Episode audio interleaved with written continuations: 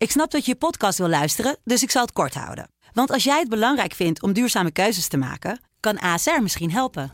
Nou hoor ik je denken, hoe dan? Nou, bijvoorbeeld bij het duurzaam herstellen van schade. Of de premies die we beleggen volgens ons duurzaam beleggingsbeleid. Dat bepaalt waar we wel en juist niet in investeren. Wil je meer weten over welke duurzame keuzes ASR maakt? Ga dan naar asr.nl slash duurzame keuzes. ASR doet het. Zo, dan kan je nu lekker naar je podcast luisteren. Dames en heren in de rechtbank. De zaak ontleed met Saskia Belleman en Wilson Boldewijn. Mensen vinden het blijkbaar heel normaal geworden om te dreigen en te schelden. En als ze dan eenmaal in de verdachtebank terechtkomen, ja, dan zie ik over het algemeen de watjes. Een podcast van de Telegraaf. Dit had echt heel, heel erg fout kunnen aflopen. Het is allemaal van een middeleeuwse simpelheid waar je echt niet goed van wordt. Saskia, welkom. Dankjewel. Vorige aflevering hadden wij het over uh, Peter R. de Vries, de, althans de moordzaak uh, richting de uitvoerders. Daar is trouwens vandaag ook weer uh, groot nieuws over ja. gekomen. Het is, het is woensdag vandaag. De zaak wordt misschien wel helemaal opnieuw gedaan. Ja, het is niet helemaal zeker, maar in ieder geval heeft de rechtbank besloten om het onderzoek te heropenen, omdat ja, zich een getuige heeft gemeld en daaruit informatie is gekomen die ja, kennelijk toch zo noodzakelijk is om, om alsnog te bekijken. Dat de rechtbank heeft gezegd, ja, daaruit blijkt dat het onderzoek niet volledig is geweest. En wij vinden toch dat ook de verdediging en de rechtbank daar even naar moeten kunnen kijken en daar een oordeel over moeten kunnen geven. Ja, het is een jaar na de dood van onze uh, grote collega en er zijn opvallend veel arrestaties. En wat dat betreft kunnen we gelukkig vaststellen dat de politie niet stil zit. Nee, dat is duidelijk. Er gebeurt het nodige. We gaan het hebben over complotdenkers. Je hebt aardig wat rechtszaken al gedaan uh, tegen anti-corona-demonstranten. Althans, die heb je bijgewoond. Ja. Wat is jouw uh, gedachte inmiddels over dit soort mensen? Ja, je ziet dat er uh, toch sprake is van een zekere massahysterie. Uh, er wordt onzin verkocht. Uh, dat wordt verpakt in een soort wetenschappelijk jasje. Het bestaat voor het overgrote deel uit desinformatie. En mensen die daar gevoelig voor zijn, die, die gaan daar blind in mee. En ja, dat, dat krijgt een soort sneeuwbaleffect. Op een gegeven moment, uh, dat zie je dus nu gewoon gebeuren, wordt aan alles en iedereen getwijfeld. Wetenschappers hebben ook maar een mening. Uh, journalisten laten zich voor een karretje spannen.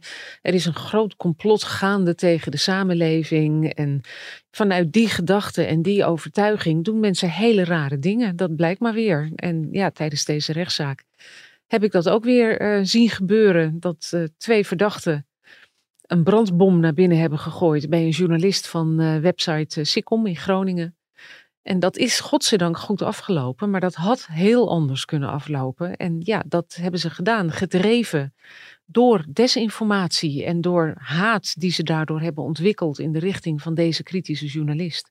En die moest dus even een lesje geleerd worden. 19 augustus 2021 was dat. De journalist waar jij het over had, hebt, is Willem Groeneveld. En uh, de verdachten zijn Cheert P. en Jamie W. Wat hebben zij gedaan bij het huis van uh, Willem Groeneveld? Nou, ze hebben uh, lege bierflesjes gevuld met uh, terpentine. Uh, hebben vervolgens daar een stuk wc-papier in gepropt als lont. En vervolgens zijn ze op de fiets naar het huis van Willem Groeneveld gereden. Hebben een ruit ingetikt en hebben in ieder geval één van die flesjes aangestoken en naar binnen gegooid. Nou, moet je je voorstellen, je hebt daar een, een portaal waar twee voordeuren op uitkomen. Van Willem Groeneveld en van, van zijn buurman. Die Molotov cocktail die landde in een halletje waar ook een kapstok stond met allemaal jassen eraan, er stonden dozen, allerlei textiel dat dus ook heel makkelijk in de fik had kunnen vliegen. Het is niet gebeurd, vooral dankzij het feit dat de vriendin van Groeneveld uh, wakker werd en tegen hem zei van ga alsjeblieft even kijken. Hij wilde het eerst zelfs niet gaan doen, omdat hij dacht dat het gewoon een beetje dronken cafégangers waren, die buiten een beetje met flesjes liepen te smijten. Maar toen hij de trap afkwam, sloeg de rook hem tegemoet en ontdekte hij dus dat er uh, wel degelijk een brandbaar projectiel bij hem naar binnen was gegooid. Nou, de schade is beperkt gebleven tot uh, een stevige schroeiplek in de houten vloer. Een litteken noemde zijn vriendin het zelfs. Ze leggen er nu maar iedere keer een mat overheen om te voorkomen dat ze er steeds maar weer naar moeten kijken. Maar het is zodanig krap daar dat uh, als daar een grotere brand was uitgebroken, hun enige vluchtweg en ook die van de buurman was geblokkeerd. Dus dit had echt heel, heel erg fout kunnen aflopen. Ja, de verdachten zijn Cheert P. en, en Jamie W. Waar, waarvan kennen zij elkaar? Wie, wie zijn zij? Ja, zij hebben elkaar dus eigenlijk leren kennen ehm, via uh, coronademonstraties. Um, het zijn mannen die eigenlijk allebei een, een lastig leven achter de rug hebben. En dan druk ik me redelijk zacht uit hoor. Geert P. was iemand uh, ja, die van zichzelf zei: Ik heb eigenlijk mijn leven lang het gevoel gehad dat ik niet werd gezien en niet werd gehoord. Opgegroeid in een pleeggezin. Er was zelfs nog een hint over misbruik in zijn jeugd, maar dat is niet helemaal duidelijk geworden. En toen kwam hij op een gegeven moment op zo'n anti-corona-maatregelen demonstratie. En voor het eerst in zijn leven, zei hij, voelde ik me gezien en voelde ik me gehoord. En dat hoor je dus wel vaker tijdens dit soort rechtszaken. Dat ja, het toch gaat om mensen die, die een, een moeilijke positie hebben in de maatschappij. Die niet helemaal mee kunnen komen. Die het gevoel hebben dat ze niet serieus worden genomen. En die sluiten zich dan aan bij zo'n groepering. Hebben het gevoel dat ze meetellen dat hun mening ertoe doet en, en dat ze gehoord worden. En ja, dat gevoel gaat met ze aan de loop. Ze gaan dan ook heilig geloven in alles wat daar wordt gezegd. Dat wordt ook niet ter discussie gesteld, het wordt ook niet onderzocht. Het is gewoon zo. Het wordt gewoon een, een waarheid voor ze. En zij kennen elkaar van een demonstratie? Van zo'n coronademonstratie, ja. En ja, wat die Jamie uh, zei was, ik, ik was daar eigenlijk alleen maar voor mijn plezier en als afleiding. Uh, het was dus niet zo dat hij nou het gevoel had dat hij helemaal niet meedeed in de samenleving. Maar hij was gewoon op zoek naar ja, een, beetje, een beetje afleiding. Dat zei hij letterlijk. Een man met een, een behoorlijk drankprobleem. Uh, dat bleek ook weer die nacht, want hij noemde zichzelf eigenlijk uh, ten tijde van uh, die aanslag pis en pislam. En beweerde dus ook dat hij zich er helemaal niks van kon herinneren. Maar dat hij erbij was, dat staat wel vast, want hij deed geen enkele moeite om zijn gezicht te verbergen. En er hingen bewakingscamera's. Dus ja, we hebben hem allemaal kunnen zien in de rechtszaal. Oké, hun rol is anti-coronabeleid, althans, ja. hè, richting de overheid. Maar die Willem Groeneveld kwam ook op coronademonstraties. Alleen die was degene die daar verslag van deed. Precies, die was daar gewoon om verslag te doen van. Uh, nou ja, zoals journalisten doen, hè. die gaan naar bijeenkomsten en die maken daar een verslag van. En ja, wat je dan toch ziet bij, bij dit soort verdachten is dat als een journalist vervolgens niet opschrijft wat volgens hun de waarheid is, dan worden ze boos. Ja. En dat is eigenlijk een misverstand dat je continu langs ziet komen. Deze mensen voelen, hebben het gevoel dat hun de mond wordt gesnoerd. Zij willen gehoord worden, zij willen hun waarheid kwijt. Uh, maar als jij het niet met ze eens bent of je schrijft iets anders op dan die waarheid, ja, dan ben je opeens uh, de kwade genius en dan loop je gevaar. Nou, Willem Groeneveld heeft al heel lang te maken met bedreigingen. Hij uh, schrijft ook kritische verhalen over de vastgoedbranche. Ook uit die hoek zijn bedreigingen zijn kant op gekomen. En altijd een beetje in die regio Groningen? Ja, ja, ja, en hij deed al niet eens meer zo heel veel coronademonstraties. Ik denk dat dat ook wel te maken had met uh, de bedreigende sfeer die daar, uh, die daar hing. Maar toevallig was hij nu wel weer bij een, uh, een bijeenkomst, bij zo'n prikbus, waar ook weer een demonstratie plaatsvond. En daar is hij opgevallen? Of althans, daar was, er sprake van herkenning? Nou, hij was sowieso al opgevallen bij die anti-corona-demonstranten. Zijn naam ging enorm de ronde. En ja, op een gegeven moment heeft een, een van de oppercomplotdenkers, Joost Knevel, uh, heeft zijn naam genoemd. Uh, heeft hem een NSB'er van het ergste soort genoemd. Erger nog dan in de oorlog. Een nazi. Uh, en die heeft dat vuurtje, die woede tegen deze journalist behoorlijk opgestookt.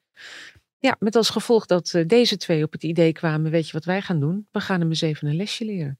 En jij zegt net, de een was pislam. Pislam, zo pislam. noemde hij zich. Hij noemde ja, zich. Dat, ja, dat betekent ja. Ontiegelijk dronken. Ze hebben moed ingedronken of ze zijn daar in het café of in een café neem ik aan, of thuis. Waar, nee, waar, waar zijn ze tot het idee gekomen? Volgens mij waren ze bij iemand thuis en mm. hebben ze daar even uh, stevig wat alcohol genuttigd. En uh, ja, weet je, we hoorden die Jamie wel zeggen dat hij zogenaamd pis en pis lam was. Maar we hebben op bewakingsbeelden ook kunnen zien dat hij eigenlijk nog heel recht liep. Ja. Ik weet niet hoe jij eraan toe bent als je te diep in het glaasje hebt gekeken. Maar de meeste mensen lopen dan niet meer zo recht. Nee. En hij wekte totaal niet de indruk alsof hij onvast ter been was. En ze hadden middelen verzameld om, ja. om de brand te steken. Wat, ja. wat, wat, gebruikten ze? Ze gebruikten terpentine om in uh, nou ja, de bierflesjes die ze net hadden leeggedronken te stoppen. En uh, hebben een stuk toiletpapier daarin gestopt dat als, als lont moest uh, fungeren. en toen ze eenmaal de trap op waren gelopen naar de voordeur van Willem Groeneveld, heeft Jamie die uh, aangestoken en Cheert P. heeft ze vervolgens heeft hem, uh, heeft hem naar binnen gegooid.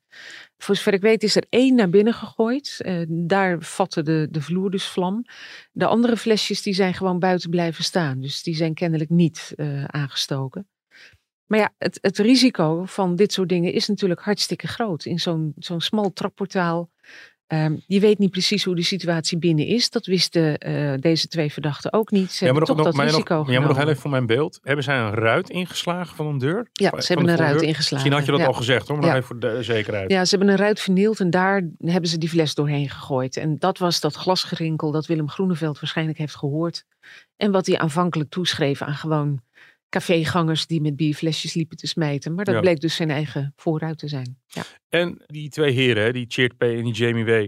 Wat, wat zeiden zij zelf over de context waarin ze besloten om dat te doen? Want ik las inderdaad in jouw artikel dat uh, advocaat Janna en Kuipers had gezegd van ja, dit zijn gewoon twee, twee losers. Twee onnozele, onnozele halzen, ze, ja. Wat voor beeld kreeg jij van, van hun, hoe ze dat organiseerden? Nou, ik moet eerlijk zeggen dat uh, de beschrijving onnozele halzen, dat, uh, daar kan, kan ik me wel in vinden. Als ik ze zo hoorde, dacht ik inderdaad, ja, ze hebben het buskruid niet uitgevonden. Um, het blijken gewoon twee mannen te zijn die onvoorstelbaar makkelijk beïnvloedbaar waren, maar dat zijn meer mensen. En niet iedereen gaat over tot dit soort daden. Deze twee dus wel, en daar zal de drank ongetwijfeld een rol in hebben gespeeld, want ja, dan vallen de grenzen weg. Uh, ja, door hun verdediging werd wat er is gebeurd een beetje gebagatelliseerd. Jan Hein Kuipers zei van ja, die vlam die daar gebrand heeft was niet groter dan het vlammetje onder mijn fondue-stel. Dus die uh, probeerden het toch wat kleiner te maken dan het was.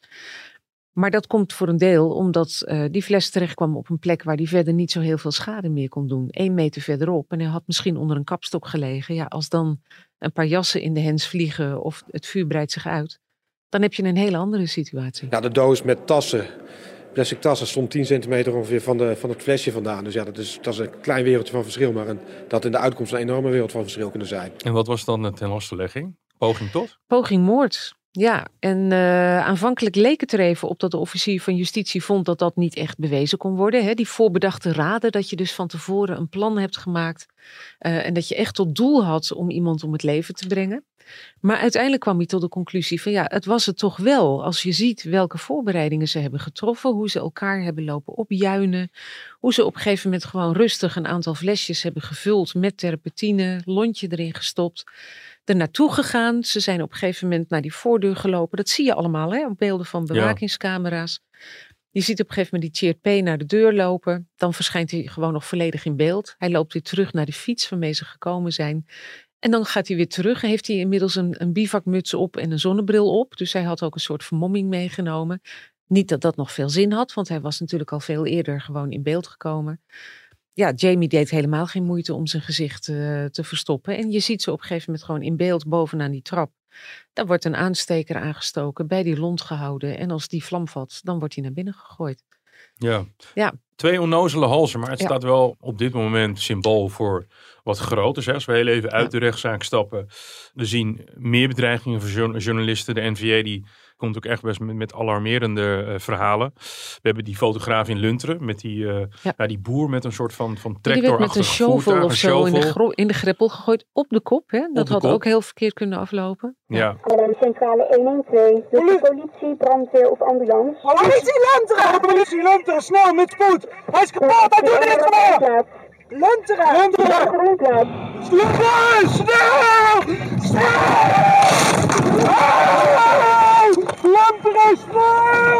We hebben die beelden in, in Urk, Krimp aan de IJssel, uh, waar uh, tijdens de coronapandemie, hè, dat uh, die kerkdiensten die doorgingen.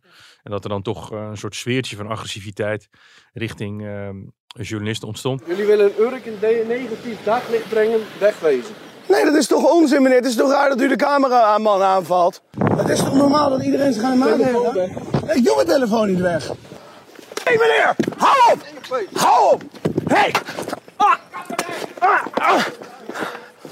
Hey, kappen! Het was er altijd al, ja. maar het is tijdens die coronapandemie veel duidelijker geworden. Ik heb hier ja. ook op de parkeerplaats gestaan met een paar antifaxers. Dat was een iets andere context. Dat zeg ik er echt nadrukkelijk bij. Maar ze kwamen wel verhaal halen, hier ja. zo bij de Telegraaf bij mij. Dat ik dacht van, hè, was dit nou zes, zeven, acht jaar geleden ook zo? Het gebeurde heel incidenteel wel eens, maar nu is het eigenlijk aan de orde van de dag. En uh, je, hebt ook de beslissing gehad van de NOS om de, de stickers van de auto's te halen. En dat, dat zei Willem Groeneveld ook tijdens de zaak. Hij zei van ja, deze zaak is veel groter dan het leed dat mij en mijn vriendin is aangegaan. Het staat gewoon voor een gevaarlijke ontwikkeling in de maatschappij. En hij zei ook, uh, ik merk gewoon aan mezelf en ook aan collega's dat we meer nadenken en terughoudender zijn met de dingen die we opschrijven en die, uh, die we verkondigen.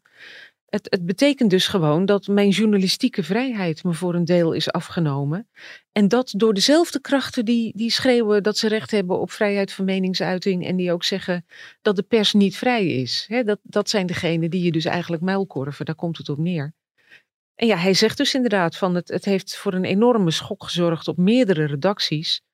Collega's die maatregelen hebben getroffen om hun veiligheid te waarborgen. En zei hij, het hakt erin bij de waakhond van de democratie. Want ja, je moet gewoon in staat zijn om je werk te doen en kritiek te kunnen leveren. En als mensen het er niet mee eens zijn, mogen ze dat ook zeggen. Maar wel op een fatsoenlijke manier. En je gaat niet met brandbommen lopen smijten. Waarin merk jij het? Je bent rechtbankverslaggever, waardoor je eigenlijk altijd wel in een soort van omgeving zit die redelijk controleerbaar is. Ja. Maar ehm, als je nou bijvoorbeeld zo'n rechtszaak bijwoont, zijn er dan ook sympathisanten van dat soort figuren? Ja, die zijn er. En uh, dat kan bij sommige zaken, uh, kunnen die intimiderend overkomen. Maar net wat je zegt, je bent in een redelijk gecontroleerde omgeving. Er is altijd veel bewaking uh, op de been. Dus dat, daar heb je in de rechtbank iets minder last van hoor. Er zijn uitwassen. Maar dat valt mee. Uh, waar je het wel merkt is op Twitter. Ik doe natuurlijk rechtstreeks verslag van rechtszaken via Twitter. Ja, en als je ziet wat je daar over je heen krijgt. En dan ook mensen die die meningen en feiten door elkaar aan het husselen zijn. Hè? Dus ik doe verslag van een zaak en ik citeer iemand. Er staan keurig aanhalingstekens omheen en zo. Nou, leestekens, daar hebben veel mensen ook al geen kaas meer van gegeten. Die, die denken dat zo'n citaat mijn opvatting is. Dus ja, dan krijg ik weer onderuit de zak. En dan krijg ik enorme uh, scheldkanonades over me heen. Je krijgt dreigementen over je heen. Mensen hebben enorm korte lontjes gekregen. En iedere keer als ze zich, hè, als ik ze bijvoorbeeld aanspreek op hun toon, zeggen ze: Ja, ik heb vrijheid van meningsuiting. Ja, die heb ik ook. Maar die ontneem je mij door je, uh, je zo op te stellen. Ja, het is, dus, het is een soort uh, paradox, is dat, hè? Ja, ja, heel erg. En dat, dat zien ze zelf niet. Nee. Dus ja, het woord onnozele halsen van Jan-Hein Kuipers, de advocaat. Ik moet eerlijk zeggen dat ik uh, meerdere malen op dat, tijdens die zitting wel zo'n gevoel had van ja, het is wel de juiste omschrijving. Alleen je kunt niet iedereen onder die noemer scharen. Uh, er zijn heel veel verdachten die donders goed weten wat ze doen.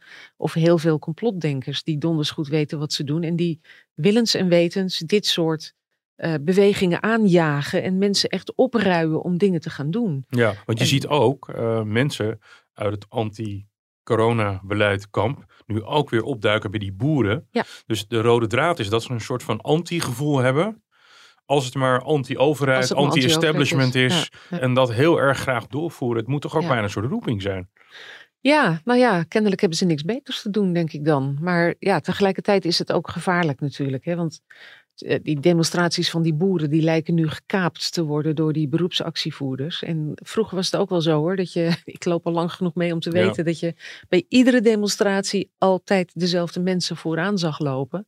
Scanderend en wel met spandoeken. Maar tegenwoordig gaat het verder dan scanderen en spandoeken. Dus dat, dat maakt het allemaal gevaarlijker en intimiderender.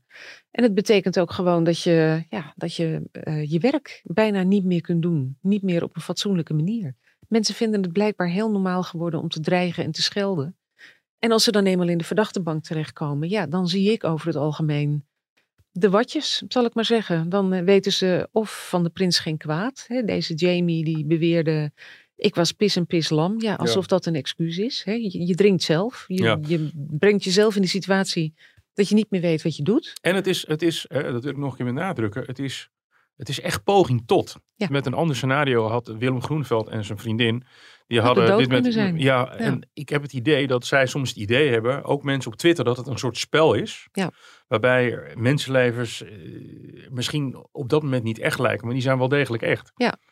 Ja, soms denk je dat wel eens, hè? dat mensen bijna het idee hebben van we zitten te gamen en het is allemaal niet echt. Maar dit was heel echt en dit had gewoon heel fout kunnen gaan. En het zal heus niet zo zijn dat ze hebben gedacht van we gaan deze twee vermoorden. Maar dat had wel het effect kunnen zijn dat deze twee het leven zouden hebben gelaten bij deze aanslag. Het was in ieder geval niet dankzij deze twee verdachten dat het goed is afgelopen. Willem Groeneveld was aanwezig en had ondanks alles toch te doen met het, uh, met het duo. Ze zijn behoorlijk gek gemaakt door, door bekende complotdenkers, uh, gelegitimeerd door politici die, uh, die journalisten wegzetten. Daarmee zijn ze ook eigenlijk wel slachtoffer van hun eigen ja, onvermogen dat door, te doorprikken. ze hebben ons leven op de kop gezet en bijna weggegooid, maar ook hun eigen leven hebben ze weggegooid. Ja, mooi hè. Dat hij, ook, hij zei op een gegeven moment ook tijdens de zaak van er zitten vandaag alleen maar verliezers in de rechtbank. En ja, die jongens hebben inderdaad ons leven op de kop gezet, maar ook het hunne. Ja, en hij zegt nog wel iets interessants, om weer heel even uit de rechtszaak te stappen. Hij zegt bepaalde politici. Laten we even naar Donald Trump grijpen met fake news. Ja.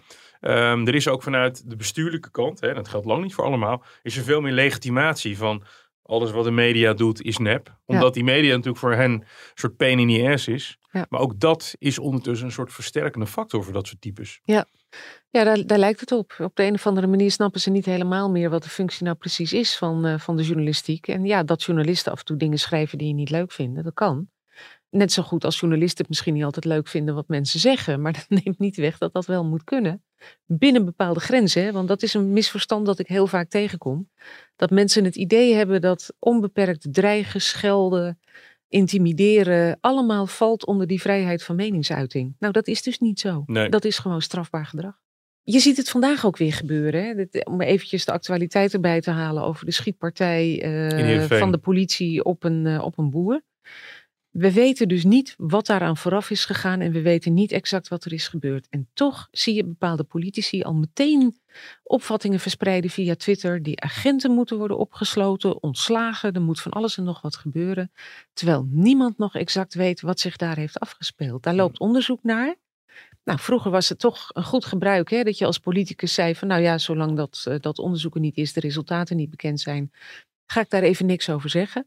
En nu heb je dus een slag politici die onmiddellijk uh, vanuit die onderbuik reageren, maar daardoor dus ook dat vuurtje opstoken. Ja. En dat is gewoon zo gevaarlijk. Het komt ook omdat er tegenwoordig steeds overal beelden van zijn. Hè? Waar ja. wij vroeger Soms is het ook heel prettig voor de opsporing, dat overal beelden van zijn. Ja. Maar tegenwoordig is die, die beelden zijn al, dus we moeten er binnen 24 uur wat van vinden. Ja, aan de andere kant, je moet je ook altijd afvragen of je het complete beeld krijgt, hè, ondanks de beelden die er zijn. Want je, je ziet een momentopname, maar je weet dus niet precies wat er aan vooraf gegaan is. Nee. En dat kan wel heel cruciaal geweest zijn in wat hier gebeurd is. Nou ja, dat, dat weten we dus niet. En ik krijg er af en toe buikpijn van om te zien hoe ongelooflijk snel mensen al klaarstaan met een oordeel ik zie het ook gebeuren bij rechtszaken waar mensen meteen op Twitter beginnen te roepen. Doodstraf herinvoeren, geen geld uitgeven aan, aan rechtszaken tegen dit soort types, zet ze op water en brood. Het is allemaal van een middeleeuwse simpelheid waar je echt niet goed van wordt. Over middeleeuws gesproken, althans, ik moet hier voorzichtig mee zijn. Ze hebben zich bekeerd tot onze lieve Heer. Ja, nou, het schijnt dat ze dat al hadden. Ja. Um, dat zij bijvoorbeeld die Jamie Way, die, be die beweerde dat het geloof enorm belangrijk voor hem was. Dat was zijn leidraad, zei hij. En ja, volgens zijn geloof zijn vaccinaties verboden. En de avondklok, nou ja, daar had hij zich dan maar bij neer te leggen, want de avondklok schijnt in de Bijbel te staan. Ik ben hem nooit tegengekomen, maar het zou kunnen. Maar ze hebben zich dus beide in de gevangenis overgegeven aan bijbelstudie. En uh, nou, kennelijk heeft een, een dominee in de gevangenis, in ieder geval op Tjeerd P. ook wel een goede invloed gehad. Dus ja, uh, P. heeft ook gewoon onomwonden uitgesproken dat hij afstand neemt van alles waar hij eerder in geloofde. En dat hij zijn leven weer op de rails wil, wil krijgen. En dat wil Jamie Way ook. Ehm, of dat nou helemaal volgens het geloof zal gaan, weet ik niet. Maar in ieder geval zegt hij dat hij de drank heeft afgezworen. En dat lijkt me in ieder geval een goede ontwikkeling. Ja, tegelijkertijd eist het Openbaar Ministerie vijf jaar en TBS. Ja. Dat betekent dat er toch een klein beetje uh, twijfel is over de geestestoestand ja. van beide heren. Van beide heren werden, werd door de deskundigen gezegd dat zij uh, verminderd toerekeningsvatbaar zijn. Dat heeft ook te maken met een verstandelijke beperking. Uh, dat, he, dus een verstandelijke beperking kan mensen ook beïnvloedbaarder maken uh, voor allerlei uh, verkeerde invloeden. Maar dat heeft meegewogen bij de eis, anders zou die hoger zijn uitgepakt. Er is ook geen TBS met dwangverpleging geëist, maar het lichtere TBS met voorwaarden. Dat betekent dat er in eerste instantie wel een behandeling in een gesloten setting in een forensische kliniek plaatsvindt. Maar dat die op een gegeven moment, als dat aanslaat en dat gaat goed, uh, ambulant en dan buiten de poorten van een kliniek kan worden voortgezet. Na de straf, als, Na, het, als de ja. straf wordt toegekend. Ja, precies. Ja. Oké, okay, um, Saskia, we zijn er helemaal doorheen. Uitspraak is 18 juli. Ja. Dan eh, weten wij hoe het afloopt met het duo uh, Cheert P en Jamie W. Sascha, bedankt. Graag gedaan. Afhankelijk van het platform waarop u deze podcast luistert, laat u een recensie achter. Dan kunnen wij er altijd lering uit trekken. Mijn naam is Wilson Boldewijn. Dank voor het luisteren.